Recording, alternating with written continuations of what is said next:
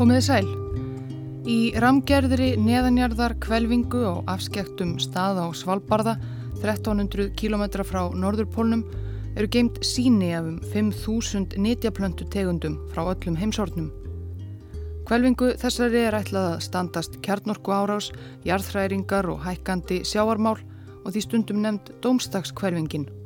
Hún á að varðveita síni af plöntunum sem við mennirnir reyðum okkur á til afkomu sama hvaða hörmungar á okkur dinja. Við getum þó fundið fræin okkar þarna ef allt fer á versta veg. Fræbankin á Svalbardha hefur reyndar þegar sannað sig. Fyrir tveimur árum var fyrsta úttektinn ef svo máð orði komas gerð úr bankanum. Vísindamenn frá alþjóðlegri miðstöðum landbúnaðaransóknir á þurrum svæðum tóku út síni sem þeir höfðu sendt til varðveistlu á Svalbardha mörgum árum áður.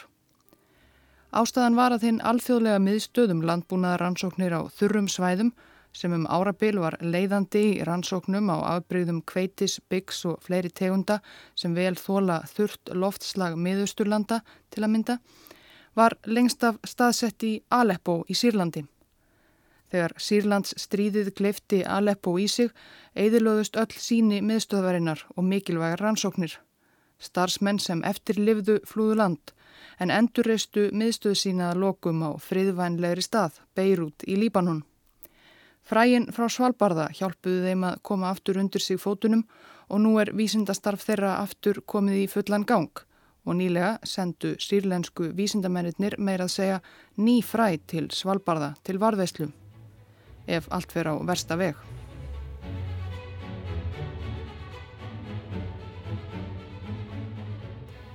Nikolai Ivanovits Vavilov átti sér þann draum heitastan að koma í vekk fyrir hungur, útrýma hungri á heimsvísu. Eflaust hafa nú margir fleiri borið þann göfuga draumi í brjósti í gegnum tíðina en Nikolai Ivanovits Vavilov í betri stöðu en flestir til að láta hann rætast. Nikolai þessi fættist árið 1887 í Moskvu sem þá var önnur helsta borg rúsnenska keisaradæmisins á eftir höfuborginni Pétursborg. Fadir hans var kaupsíslumadur sem átti vefnaðar versmiðju í Presnja, yðnaðar hverfi í útjæðinni Moskvu. Reksturinn gekk vel og fjölskyldan hafði það fínt, en þetta voru einhverða síður erfiðir tímar í Rúslandi og Vavilov fjölskyldan var þessi vel vör sem aðrir. Flesti landsmenn voru sára fátækir og á rúsnesku kotbændunum dundi hver ógæfan á fætur annari. Annarkvort voru það þurkar eða kuldaköst sem allu uppskeru bresti og hungursneið. Óhæf keisarastjórnin gætt litla rönd við reist. Veturinn sem Nikolai Vavilov var úsund fátækari landar hans upp eftir enneitt þurkin og enneitt uppskerubrestin. Og svo að segja á hverju ári eftir það fór eitthvað úrskeiðis einhver staðar í þessu mikla flæmi rúsnenska keisaradæmisins. Kotbændur og sveitamenn hrundu niður úr hungri og vospúð og óunæja almennings með keisaran Nikolás Annan og hans hiski magnaðist en það virtist valdastjettin lítið kæra sig um að gera nokkuð til að bæta kjör þeirra soltnu og fátæku. Í janúar 1905 skutu varðmenn keisarans á friðsama mótmælendur fyrir utan vetrarhöllina í Pétursborg, 130 fjallu, sen logaði allt Rúsland í mótmælum og óerðum, verkamenn lögðu niður vinnu og kvotbændur og fátæklingar risu upp gegn landeigandum. Keisarin reyndi að kynna til sögunar ymsar umbætur, misvitrar, en byltingareldin var erfitt að slökva, nema með valdi. Í desember voru blóðugir götubardagar millir verkamanna og hermanna keisarans í yðnaðar hverfi í útjæðri Moskvu, Presnja, þar sem fadir Nikolai Vavilovs rak vefnaðarvesmiðu sína.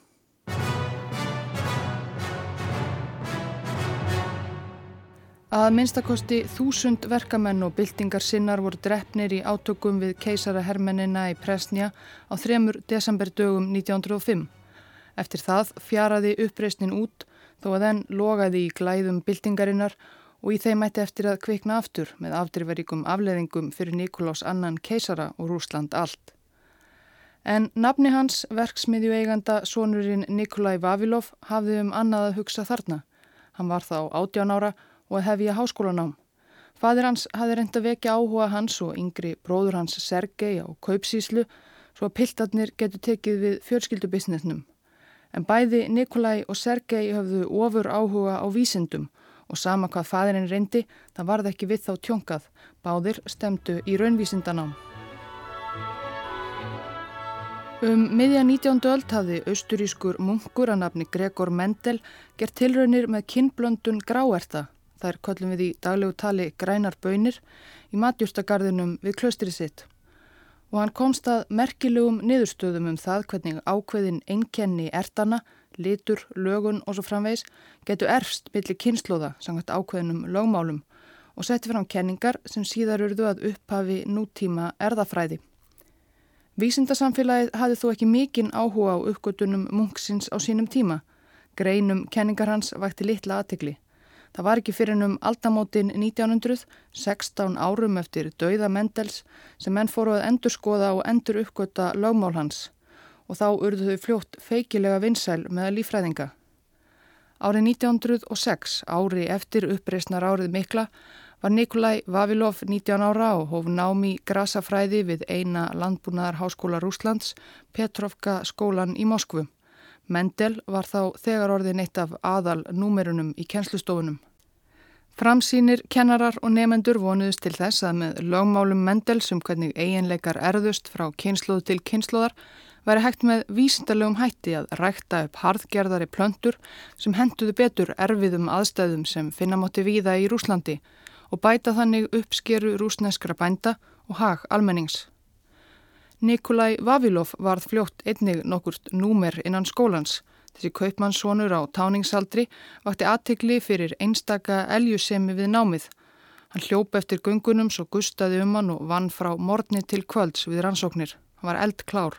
Á tveimur árum kláraði hann fjögur ára násefni og hann var hugssjónamaður eins og hann lísti í dagbóksinni á þessum tíma. Ég vil vísindin af öllu hjarta. Ég elska þau. Þau eru tilgangur lífsins. Það er mikilvægt að elda ekki ólar við draumóra heldur gera aðeins það sem færir manni gleði, ró og rauksemt. Ég er tilbúin til að helga líf mitt því að skilja náttúruna í þáu mannkinsins og vinna fyrir fátæku og undirókuðu stjættirlandsins til að bæta þekkingu þeirra. Það voru reyndar ekki alveg allir samála um ágæti Mendels og kenninga hans á þessum tíma, hvorki innan Petrovka landbúnaðarháskólans nýja utan. Margir af eldri kynsluð kennarana í Petrovka aðhyldust þannig aðra eldri kenningu sem kend var við franska náttúrufræðingin Jean-Baptiste Lamarck. Lamarck þessi var merkilegur vísindamaður á margan hátt en hans er í dag helst minnst fyrir það að hann hafði í upphafi 19. aldar, áður en Mendel kom til sögunar, sett fram þá kenningu að áunir eiginleikar getu erfst millir kynnslóða. Til dæmis geti ein einstök planta aðalagast umhverfi sínu á einhvern hátt á líftíma sínum og þeir eiginleikar síðan erfst til næstu kynnslóðar. En samkvæmt lögmálum Mendels voru það einungis meðfættir eiginleikar sem erðust og umhverfið hafði ekki áhrif. Um þetta rifust menn talsvert á göngum landbúnaðarháskólans þegar Vavilov var þar í námi. Vavilov var staðfastur fylgismöður Mendels og fór hart fram gegn eldri kynnslóðinni, Lamarckistum. Vavilov trúði því einninga með lögmálum Mendels veri hægt á hávísendarlegan hátt að velja út og rækta fram bestu eiginleikana í plöntum og meðan margir af eldri kynnslóðinni voru meira á því að plönturækt væri nokkus konar listgrein sem ekki væri hægt að koma vísendarlegum böndum á Hæfustu plönturæktendurnir yrðu alltaf bændur sem væru í nánum tengslum við landsitt og gróður en ekki vísindamenn á rannsóknarstofum. En þrátt fyrir það rifrildi útskrifaðist Nikolai Vavilov með hæstu engun árið 1910 Eftir útskriftina held hann í langferð til Evrópu þar sem hann kynnti sér nýjustu ströyma í grasa og erðafræði og plöndurækt hjá helstu sérfræðingum og vann meðal annars náið með breska líffræðingnum William Bateson, einum öflugasta talsmanni Mendels og hugmynda hans á þessum tíma og sá sem fyrstur notaði orðið genetics eins og erðafræðin heitir á ennsku. Evrópureisan fylgti Vavilov eldmóði að kynna nýjustu ströyma í heimalandi sínu og bæta haga almennings með því að rækta fram bestu einkenni korns og annara nýtjaplantna búa til betri plöntur. Í þeirri vinnusinni þurfti hann þó aftur að glíma við afturhald sinna grasafræðinar.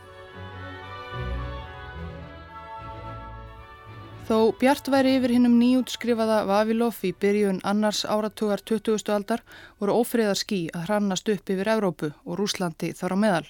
Fyrri heimstyrjöldin skall á sömarið 1914. Nikolai Vavilov sem var nýlega komin heim frá útlöndum, 27 ára, var örlítið skattaður á auga eftir slísi í barnæsku og slapp því við herþjónustu. Hins vegar þurfti keisarin samt á kröftum hans að halda.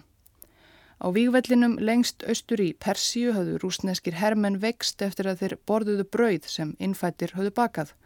Herfóringja grunaði að eitthvað í persneska korninu gerði hermennin að veika og til þess að leysa þessa ráðgátu var kallað á ungan mann sem þegar var orðin einn fremsti sérfræðingur rúsa í kornplöndum, Nikolai Vavilov. Vavilov fór með lest eins langt og hann komst austur og helt áfram á hestbakki. Þegar að viglínunni var komið var Vavilov ekki lengi að komast að því að kornið á staðnum var síkt af ákveðinni bakterju sem rúsnesku hermennir voru viðkvæmir fyrir. Ráðgátan leist. En fyrst Vavilov var nú þegar komin svo langt að heiman, klæjaði hann eftir því að halda försinni áfram, komast í kynni við, taka síni og rannsaka viltar korttegundir á þessum fjarlægu slóðum. Tegundir sem getur hjálpað honum að kortleggja uppbruna kornsins og útbreyðslu þess um jörðina. Tegundir sem getur vel búið yfir ákjósanlegum eiginleikum til rættunar. Vavilov kifti nokkra hesta og réði leðsugumann og hjælt af stað upp í Pamír fjallgarðin í Miðasíu sem markaði landamæri rúsneska keisaradæmisins til suðurs. Þetta var svæði sem var erfitt yfirferðar, háir klettar, þraung, gljúfur og hrjóstrugar slettur, ílskeittir, hyrðingjar. En í dölum Pamír fjalla fann hann enguða síður fjársjóð. Kveiti sem við fundum upp í 7000 feta hæð fór fram úr okkar viltustu væntingum. Rísavaksinn rúur alltaf eins og hálsmetra hár með stinnum stönglum, stórum öksum og stórum kornum. Bara það að finna þessar plöntur var þess virði að fara til Pamirfjalla. Síðar í ferðinni fann Vavilov enn fleiri viltar og honum áður óþægtar tegundir af kveiti og rúg. Eins og hann hefði vonað voru þetta plöntur sem virtust sérstaklega aðlagaðar að erfiðum aðstæðum þarna í fjöllunum, þóldu kulda og þurrk og grítan jarðvegg. Einmitt aðstæður eins og bændurnir í norðanverður Úslandi þurftu stöðugt að glíma við. Það væri hægt að rækta korn með þessa einleika geti Vavilov komist nær takmarki sínu að kveða niður hungurvofuna sem sífælt ásótt í Úsland.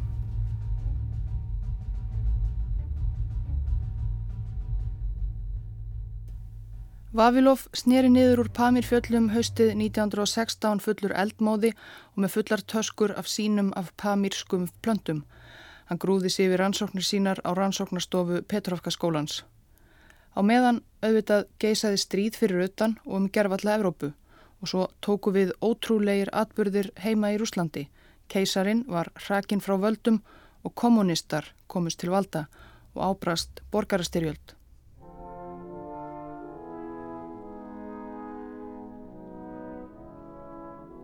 Það var í miðri borgarastyrjöld sem Vavilov var skipaður profesor í búfræði við háskóla í borginni Saratov við Volgubakka.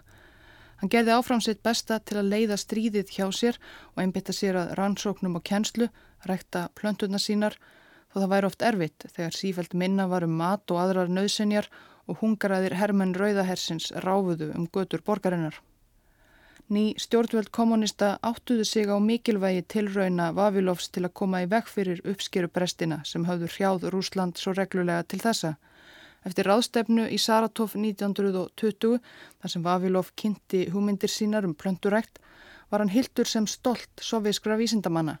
Hann fekk fljótlega nýja stöðu sem forstuðumadur nýrar og framsækinar rannsóknarstofnunar í Grasafræði í Pétursborg eða Petrograd eins og borgin var þá kölluð.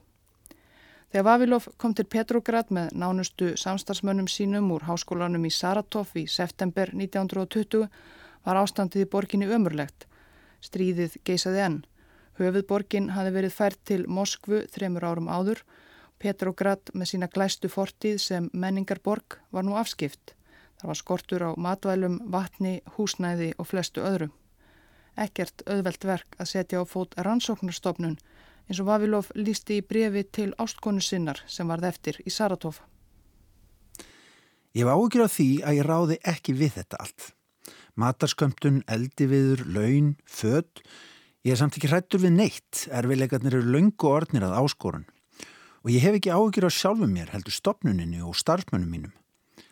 Þetta er bara allt erfiðara en það leit út fyrir. Hver sorgleg hugsunin á fætur annari? Það þarf að blása nýju lífi í allt. Það er ekkert líf eftir hér. Það er eins og að allt sé, ef ekki dögt, þá fárveikt og lamað. Allt verður að endurbyggja. Bara bækurnar og hefðirnar eru eftir, ódöðlegar. En Vavilov tók þessari áskorun og gott betur. Meðfram því að byggja upp rannsóknarstofnunina næstu árin ferðaðist Vavilov þvers og kruss um heiminn eins og hann hafi gert um Pamirfjöll og Miðasíu sem ungur maður, allt með stuðningi soviskra stjórnvalda. Hann fór um bandaríkin endilöng frá Kaliforníu til New York og var sér úti um fínustu fræ þeirra. Hann ferðaðist þúsundir kílometra á hestbakki um Afganistan og fann þar eitthvað fjölbreytilegasta frambóð af kveitiplöntum sem hann hafði augum litið. Hann rannsakaði hampjúrtir og durum kveiti í Atlasfjöllum Norður Afríku. Hann dáðist að döðlupálmum og jaffa appelsínuræktinni fyrir botni miðjararhafs. Hann fundaði með landstjóra Eþjópíu, Ras Tafari, sem síðar varð þekktari sem keisarin Haile Selassie og kynnti sér tefgrasið á Eþjópíska hálendinu. Hann fór um Gríkland, Krít, Kýpur og Spán og aftar en einu sinni lendi hann í lífsháska, þurfti að forða sér frá bandítum og óargadýrum og klímdi við malaríu og fleiri framandi sjúkdóma. Úr hverju ferð kom hann heim til borgarinnar sem árið 1924 fekk enneitt nafnið Petrograd varð Leningrad með mörg hundruð eða þúsundir sínishortna af nýtjaplöntum af ymsu tægi. Fræsafnið í rannsóknarstofnun hans í Leningrad taldi fljótt 2000 sína af ólíkum tegundum og var það stærsta og glæsilegasta í heiminum. Sömuleiðis fjölgaði starfsfólki og víða um Sovjetiríkin spruttu upp litlar tilrauna gróðarastöðvar þar sem gerðar voru ímiskona rannsóknir.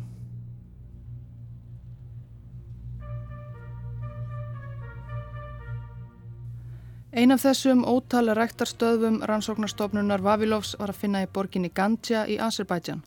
Meðal starfsmanna þar var ungur maður að nafni Trofim Denisovits Lysenko, fættur 1898 í Ukrænu, kominn að fátæku bándafólki. Hann var óháskóla gengin en hafði haft áhuga á plöndurækt frá unga aldri. Á nefa hefur Nikolai Vavilov varðla vitað að þessi starfsmæður hans væri til þarna lengst austur í Azerbaijan. Hann var með mikið af starfsfólki. Fyrir en 7. ágúst 1927 að Pravda, málgagn sovjerska kommunistaflokksins, byrti grein þar sem árangur hins unga Lysenkos, hann var 29 ára gammal, við plöndurækt var dásamaður í kvívetna. Lysenko þessi, skrifaði bladamæður Pravda, hafi þróað snildarlega aðferð sem gerði honum kleift að stitta vakstartíma jurta og auka þannig uppskeru. Hann kallaði það vorun Með því að geima frægin fyrst í miklum kulda gæti hann látið plönturnar blómgast fyrr. Hann sáði baunaplöntum að hausti og uppskar svo baunirnar síðar um veturinn, ótrúlegur árangur, eða eins og bladamæður Pravda orðaði það. Lysenko hefur gert berangurslegar sléttur söður Kákasus grænar að vetri, svo búfjörnaðurinn deyr ekki vegna fæðuskorts og hinn tyrkneski kotbóndi getur lifað veturinn án þess að nötra af óta við morgundaginn. Lofræða Pravda helt áfram. Ekki síst var þetta afreg Lísenkós merkilegt þar sem hann sjálfur var jú bara ómentaður bóndasónur. Berfætti vísindamadurinn eins og Pravda kallaði hann. Þetta var líkilatriði. Þetta var árið 1927 sem sé og það voru aðrir tímar í Sovjetríkinum en í upphafi þriðja áratugarins þegar framsýn stjórnvöld Sovjetríkjana hafðu stutt Vavilov til rannsóknarleiðangra þvers og krussum heiminn veit honum ótal verðlaun og heiðusmerki og stöðuhækanir. Í ársbyrjun 1924 um þær mundir sem Vavilov var að búa sig til ferðar til Afganistans hafði fyrsti leittói Sovjetríkjana Vladimir Lenin láti lífið eftir laung veikindi. Nú var maður að nafni Jósef Stalin tekin við og hann hafði aðra sín á margt en forveri hans, meðal annars vísindin. Vísindin voru vissulega stjórnvöldum enn mikilvæg. Sovjerski sósialismin átti að heita hávísindaleg stefna og sovjerska ríkið átti að verða fyrsta alvísindalega ríki heims, einhvern veginn. En Stalin var sérlega í nöp við þessa háborgarlegu menta á vísindamenn sem forveri hans Lenin hafði uppaflega fengið í lið með sér. Sankant Stalin var hinn fullkomni sovjíski vísindamaður úr verkamannastjett, öregi sem var rekin áfram af sósialískum eldmóði. Berfætti vísindamaðurinn Trófim Lísenko Grasafræðingurinn Knái sem sjálfur virtist hafa sprottið fullmótaður úr kvikulum jarðveg Úkrænu og gert magnaðar uppgötanir sem skákuðu öllu því sem komið hafði frá gömlu borgarlegu vísindamönnunum úr fílabeinsturnum keisaratímans. Hann passaði fullkomlega inn í hugmynd Stalins og félaga um sovjerska vísindamannin. Reyndar hafði þessi uppgötun Lísenkós voruninn sem Pravda let svo mikið með ekki verið harta merkileg ef vel var að gáð. Bændur víða um heim höfðu lengi vitað að til er vorkveiti annars vegar og haust eða vetrarkveiti hins vegar. Það síðar nefnda þarnast kælingar til að það vaksi svo eðlilega, þess vegna er því plantað að hausti. Nikolai Vavilov hafi sjálfur stundað rannsóknir á sama fyrirbæri. Það þýtti ekki að hægt var að fá hvaða plöntu sem er til að leika þetta eftir og Lysenko tók ströunar aldrei að endurskapa meintan árangun sinn með baunaplönturnar í Azerbaijan 1927. En Lysenko var þrátt fyrir þetta hampað við hvert tækifæri framvegis og gríðar mikið gert úr hverri rannsókn hans og uppgötun, þó svo í raun og veru væru það aldrei miklar uppgötanir. Lysenko hefur áraðanlega áttað sig fljótt á því í hvaða kjör aðstöðu hann var komin. Af öllu að dæma var hann bæði metnaðargert maður og kætt og væðarlaus í því að fá sitt fram. Práta lísti honum svona. Hann er horaður með áberandi kinnbein og stutt klift hár. Eitthvað við Lysenko minnir mann á tannpínu. Hann er daburlegur að sjá. Bæði spara á orð og ómerkilegur í fasi nema að maður minnist þungbúina augnana sem leita eftir jörðinni, augnaráðið eins og hann sé að búa sig undir að drepa einhvern. Hann brosti bara einu sinni þessi berfætti vísindamæður. Vavilov, gáttaður á skindilegum frama þessa áður óþekta starfsmannsins, sendi útsendara til Azerbaijan að taka át manni sá bar honum ekki fagra söguna heim til Leningrad. Hann væri á villigötum í rannsóknum sínum, kynni ekki fræðin en liti þó stort á sig sem eins konar messias lífræðinar. Vavilov vissi ennfremur að þessi byltingar kenda uppgötun hans um vetrar böinaplöntunar var ekki svo merkileg. Enguða síður var hann tilbúin að gefa Lysenko tækifæri.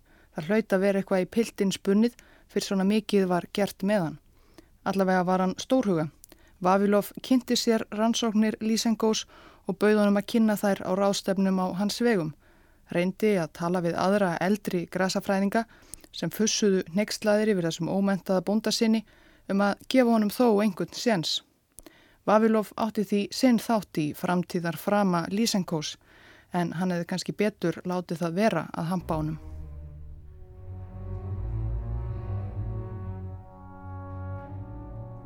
Stalin kynnti fyrstu fimm ára áætlun Sovjetiríkjana til sögunar árið 1928. Áætlunin fól meðal annars í sér að hraða uppbyggingu þungaðinaðar en einnig algjöra þjóðnýtingu sovjesks landbúnaðar. Stór samirkjubú áttu nú að koma í stað bóndabæja í engaegu. Afleðingar þessa urðu í stuttumáli skjálfilegar fyrir sovjeskan landbúnað og almenning. Framleðinni landbúnaðarins hrundi á skömmum tíma og sovjísk yfirvöld tóku á allri andspyrnu gegn samirkjuvæðingunni að blóðuður í hörkum. Veturinn 1932 til 1933 varð svo enn einn hungursneiðin og í þetta sinn fórust margar miljónir.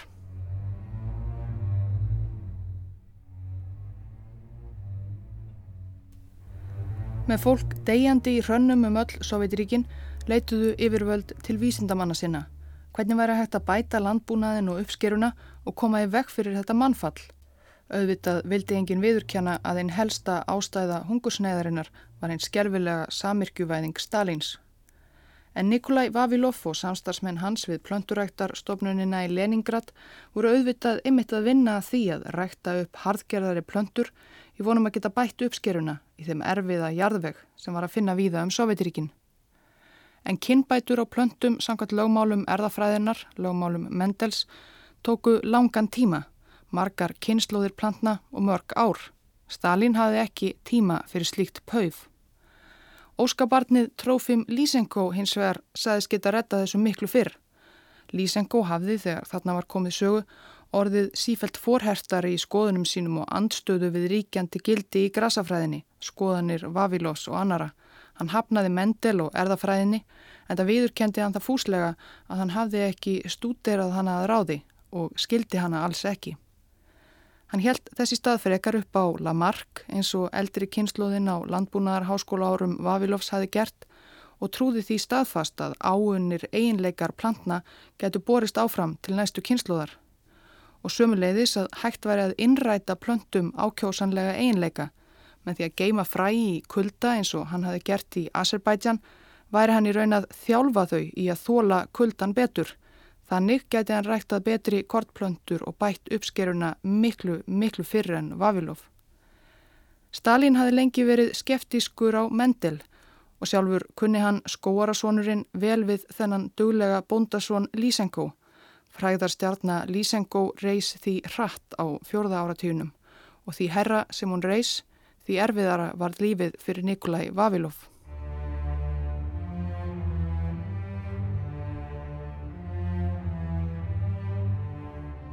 Kommunistar ætluðu að gerbylta öllu og á öllum vígvöllum urðu hlutinir að ganga hratt, líka í vísindunum. Fljótlega var ekki talið nóg að ala bara upp nýja kynnslóð verkalýðs vísindamanna eins og elsku Lysenko. Það var það losna við gamla íhalsliðið sem fyrst. Um 1930 var farið að bóla vísindamönnum sem töldust til borgarastjættar úr sovjaskum vísinda og rannsóknarstofnunum í stórum stíl. Mörg hundruð manns voru reknir af vinnustad Vavilovs fyrir litla sem engar sakir. Ef sakirnar voru engurjar, voru þær yfirleitt uppspunnar. Og Vavilov sjálfur þótti fljótt mjög grunnsamlegur. Sovjasku leinilauruglunni þótti ástæða til að taka hann til sérstakrar rannsóknar. Hann var kaupmannssonur, Hann hafi farið til útlanda oft og unnið með erlendum vísindamönnum. Sankant skýrslu leinilauruglunarum Vavilov hafi fangin okkur í ukrainsku fangelsi staðhæftað í landbúnaðaransóknarstofnun Vavilovs í Leningrad væri leinilegur hópur andbildingar sinna. Fljótt voru yfirvöld komin á þá skoðun að Vavilov væri leðtói hópsins og markmið hans að eigðilegja sovjeskan landbúnað með spellvirkjum. Sakirnar voru fáránlegar og tilhæfilausar meðal annars að Vavilov hefði lagt á ráðinum það með bændum í Úsbekistan að streytast gegn bómullarækt. Njóstnarar fylgdu Vavilov í hvert fótmál og vinnustad hans voru að minnstakosti fjórir uppljóstrarar sem gáfu leinilörglunni reglulega skýrslu um öll hans störf. Einn slíkur uppljóstrari létt hafa eftir sér Frá fyrstu árum Sovjetríkjana hefur plöndurækt verið í höndum fámenns hóps gamalla afturhaldsinna sem tengjast nánum böndum og stjettonum sem ansnúnar eru byltingu öregana. Vavilov er yfirmaður þessarar fylkingar sem hefur unnið spellvirki og skemmt fyrir á enduruppbyggingu og þróun sovjaskrar plönduræktar.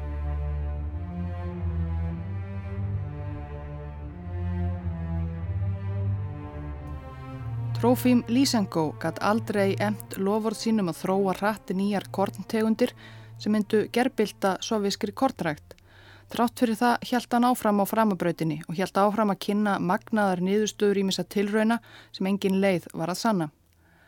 Hjá soviskum vísindamönnum loguðu eldheitar deilur millir þeirra sem aðfyltust erðafræði Mendels, Vavilov var þar fremstur í flokki, og þeirra sem höfnuðenni, Þar var Lysenko fremstur í flokki, maðurinn sem viðurkendi að hafa aldrei skilið erðafræði og mælti þess í stað fyrir rýmsum úreltum kenningum, gerfivísindum, lígum og þvætingi. En Lysenko naut velvildar Stalins og var þannig að fremsta vísindamanni Sovjetríkjana, kenningar hans opimber vísindastefna Sovjíska ríkisins, Áróðusmeistarar kommunistaflokksins breyttu út fagnæðarerindi Lysenkos af krafti og skrifuðu fyrir hann ræður sem hann flutti í sölum Kremlar fullur af heilagri vandlætingu um svikula vísindamenn borgarastjættarinnar sem öllu spiltu. Eftir hann hafi hlýtt á einast líka þrumuræðu 1975 mun Stalin sjálfur hafa hrópað upp yfir sig Bravo félagi Lysenko, Bravo! Nokkru síðar, árið 1937, hófst nýr kapli í ógnar stjórnartíð Kjeðs Stalins tímabil hreinsanana miklu eða hryllingsins. Stalin var ofsóknar brjálaður og krafðist algjörar hotlustu. Allir sem voru grunaður um að bera ögn af evasemdum um ágæti kommunismans og Stalins sjálfs í brjósti áttunum við hafði sér handtöku fangelsun og þaðan að verra. og Stalin var ekkert svið sovjask sjóðfélags óviðkomandi meðal annars hörfu margir vísindamenn niður í dýflissur hans á þessum tíma. Til dæmis þeir sem aðhyldust hinn að borgaralegu erðafræði sem Lysenko og félagar höfðu sleið út á borðinu, samstagsmenn Vavilovs, lærlingar og vinir, einn af öðrum. Vorið 1938 var Lysenko gerður að forstuðumanni Sovjesku búfræðiakademíunar og var því æðsti yfirmaður Vavilovs og hann nýtti hvert tækifæri til að grafa undan anstæðingi sínum og nýða hann og skýrsla leinilauruglunar um Vavilov sjálfan og meint spellvirki hans varð þykkari og þykkari. Hún var bannað að fara til útlanda og gert mjög erfitt fyrir í öllum störfum sínum. Þó var Vavilov sjálfur ekki handekinn, ekki strax. Kanski hefur Stalin veigrað sér við að handtaka mann sem enn hafi mikil áhrif og ítök sérilagi Erlendis Áður en Stalin skellti í lás var Vavilov þektur meðal grasafræðinga um heim allan fyrir rannsóknir sínar á korntegundum í Evrópu og Asju og plöntusafnið framúrskarandi í Leningrad. Hann var enni reglulegu sambandi við fjölda erlendra vísindamanna og vísindaleg glíma hans við Lysenko og Lysenkoistana hafi vakið aðdegli erlendra fjölmiðla eins og New York Times, kremlar búndum til gremju. Eða kannski var Stalin bara að spara sér Vavilov allavega kom rétt tækifæri að lokum.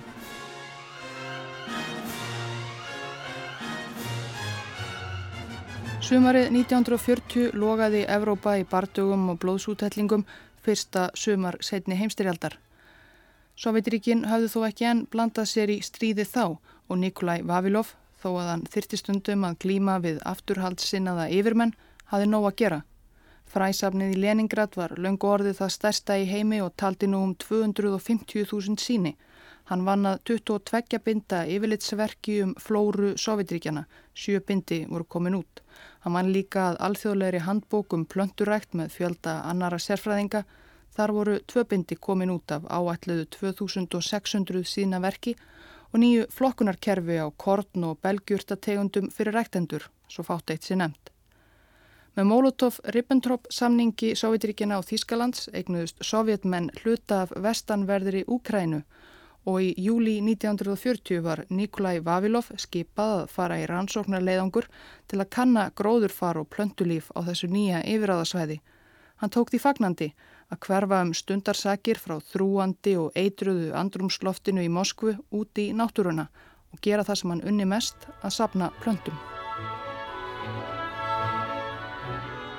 Fyrstu daga ágústmánaðar 1940 ógu Vavilov og aðstóðamenn hans um ukrainska sveitavegi og hvar sem vísindamæðurinn frægis á forvitnilegt strá var stoppað og síni tekin og stungið í tösku. Að kvöldi 7. ágúst sátu leiðangursmenn við kvöldverðaborðið á gistihimili nokkru og rættu árangursríkan dag þegar svarta bifrið barað gardi.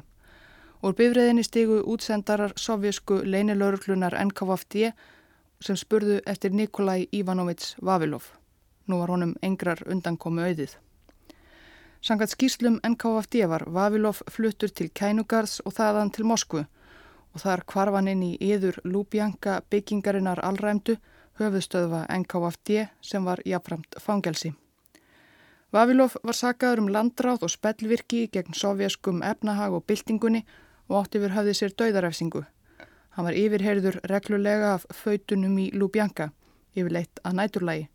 Á fangamind sem tekin var af Vavilov eftir viku í fangelsinu má sjá áhrifin sem fangelsunin var þegar farin að hafa á hann. Vavilov sem ætið hafi verið heilsurhaustur og myndarlegur er þá tekin að sjá órakaður, örþreytur, lífsklampin, horfin úr augum hans. Eftir tvær vikur í Lubjanka játaði Vavilov, samkvæmt skýrslum NKVFD, að hafa um árabil verið félagi í leinilegum samtökum andbyltingar sinnaðara hægrimanna sem unnið hefðu að því að eidilegja sovjeskan landbúnað. Hvernig þessi játning var fenginn fram er óvíst, kannski með pyntingum. Þær voru vissulega stundaðar í Lubjanka og margir af allræmdustu pyntingamesturum NKVFD tóku þátt í að yfirheyra Vavilov. Og yfirheyslunar heldu áfram lengi enn þó svo að Vavilov hafi játað þetta en KFD vildi líka að hann játaði á sig landráð og njóstnir og fleiri sakir og kæmi upp um samverkamenn sína. En það játaði Vavilov sífelt meira. Yfirheyslunar stóðu í 11 mánuði. Í lok júni 1941 réðust þjóðverjar inn í Sovjetiríkin og ákveði var að loka málinu gegn Vavilov og ákjæra. Fangin var enda orðin svo veikburða eftir stöðugar yfirheyslur mánuðum saman að samfangi hans í Lubjanka sæði síðar að hann hafi þá rétt megnað að skrýða eftir klefagólfinu. Réttarhöldin tóku skjótt af. Þrýr hersöðingjar í herrdómstól voru aðeins í fimm mínútur að komast að þeirri niðurstöðu að Vavilov hefði skipulega unnið gegn sovjeskum landbúnaði og samirkjubúa kerfinu allt frá því á þriðja áratugnum. Hann var dæmdur til dauða.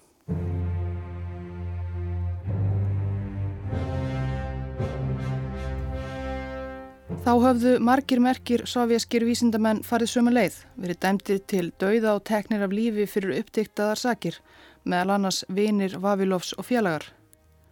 Skömmu áður en leiða átti Vavilov sjálfan fyrir aftökusveitina í Lubjanka skrifaði hann sjálfur Lavrent Iberia yfir manns NKFT og baðst vægðar og af einhverjum ástæðum fjælst Beria sem var eitthvað mesta ílmenni Sovjetríkjana á þessum tíma á að fresta aftökunni á síðustu stundu, láta skoða málans hvort hægt var að finna einhver nót fyrir Vavilov og sérþekkingu hans. En það kom aldrei til þess. Það var komið fram í miðjan oktober 1941 og Þíski herin var komin rétt fyrir utan borgarmörk Moskvu. Borgarbúar flúðu. Þar á meðal voru fangarnir í Lubjanka sem var smalað upp í lestir og fluttir austur. Nikolai Ivanovits Vavilov var komið fyrir í fangelsi í Saratov, borginni við Volgubakka þangað sem hann hafði næri aldarfjörðungi áður komið sem ungur og framsýtn profesor í búfræði Nú kom hann aftur sem pólitískur fangi, neyðurbrotinn og sundur lamin, soltinn og sjúkur. Fangelsið í Saratov var yfirfullt og ömurlegt. Fangar klætust gödóttum stregapokum og fengu tvær skeiðar af bókveitigrauti í morgunmatt, súpuslettu og skemdum tómutum í hátdeismatt og eina grautarskeið til viðbótar í kvöldmatt. Röstl og skítur úti um allt og farsóttir herjuðu á veikburða fangana. 24. janúar 1943 Tveimur og hálfu ári eftir að hann var handekinn á ferðsinni um Úkrænu var Nikolai Vavilov fluttur á sjúkradeild fangelsisins í Saratov. Var með háan hita, verki fyrir brjósti og andstuttur, með niðurgang og hjælt engu niðri. Magur og fölur og bólkin skrifaði fangelsisleiknin hjá sér, vannærður og með lúnabólgu. Tveimur dögum síðar Að morgni 27. janúar 1943 lest Nikolai Vavilov 55 ára, eitt fremsti grasafræðingur heims sem hafi dreymt um að uppræta hungur um heimallan, hafi sjálfur dáið úr hungri.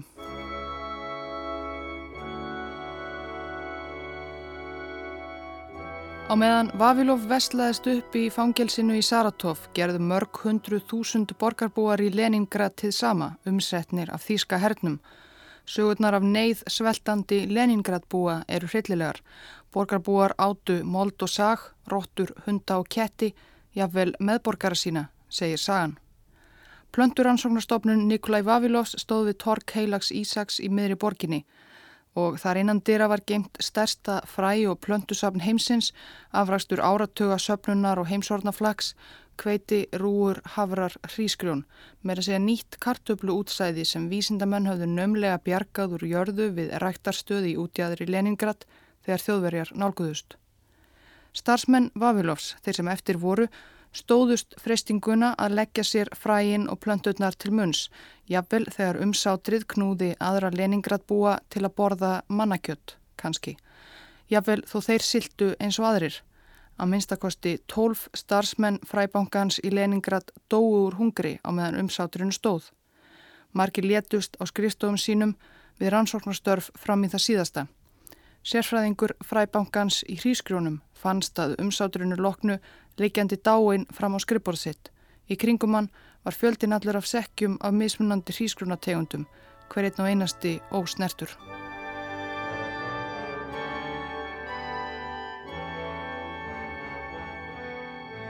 Lísengoismin var skráður í lög Sovjetiríkjana 1948 og þar með í raun bannað með lögum að andmæla forsvarsmanninum Trófím Lísengo. En svo dó velgjörðarmæður hans nummer eitt, skóara sonurinn Georgíski og nýr leðtogi Sovjetiríkjana Nikita Khrushchev var ekki eins hrifin af kauða. Lísenko var formaður Sovjísku búfræði akademíunar til 1962. Þá höfðu þrýr nafntógaðir sovjískir vísindamenn kjark í sér til að gaggrína Lysenko ofinberlega, bæði óvísindalegum kenningum hans sem stóðust enga skoðun og pólitísku valdatabli, ofsóknum og svikum sem dæmdu fjölda kollega hans til útlagðar eða dauða í fangelsum Stalins. Lysenko var vikið úr fórsetastól akademíunar og fjalli kjölfarið í ónáð. Hann lést í Moskvu 1976, 78 ára gamall fór andlát hans látt í sóviskum fjölmiðlum. Fræbankin í borginni við Eistrasaltið sem hefur enn einu sinni skiptum nafn, Santi Pétursborg, er enn með helstu fræböngum í Evrópum.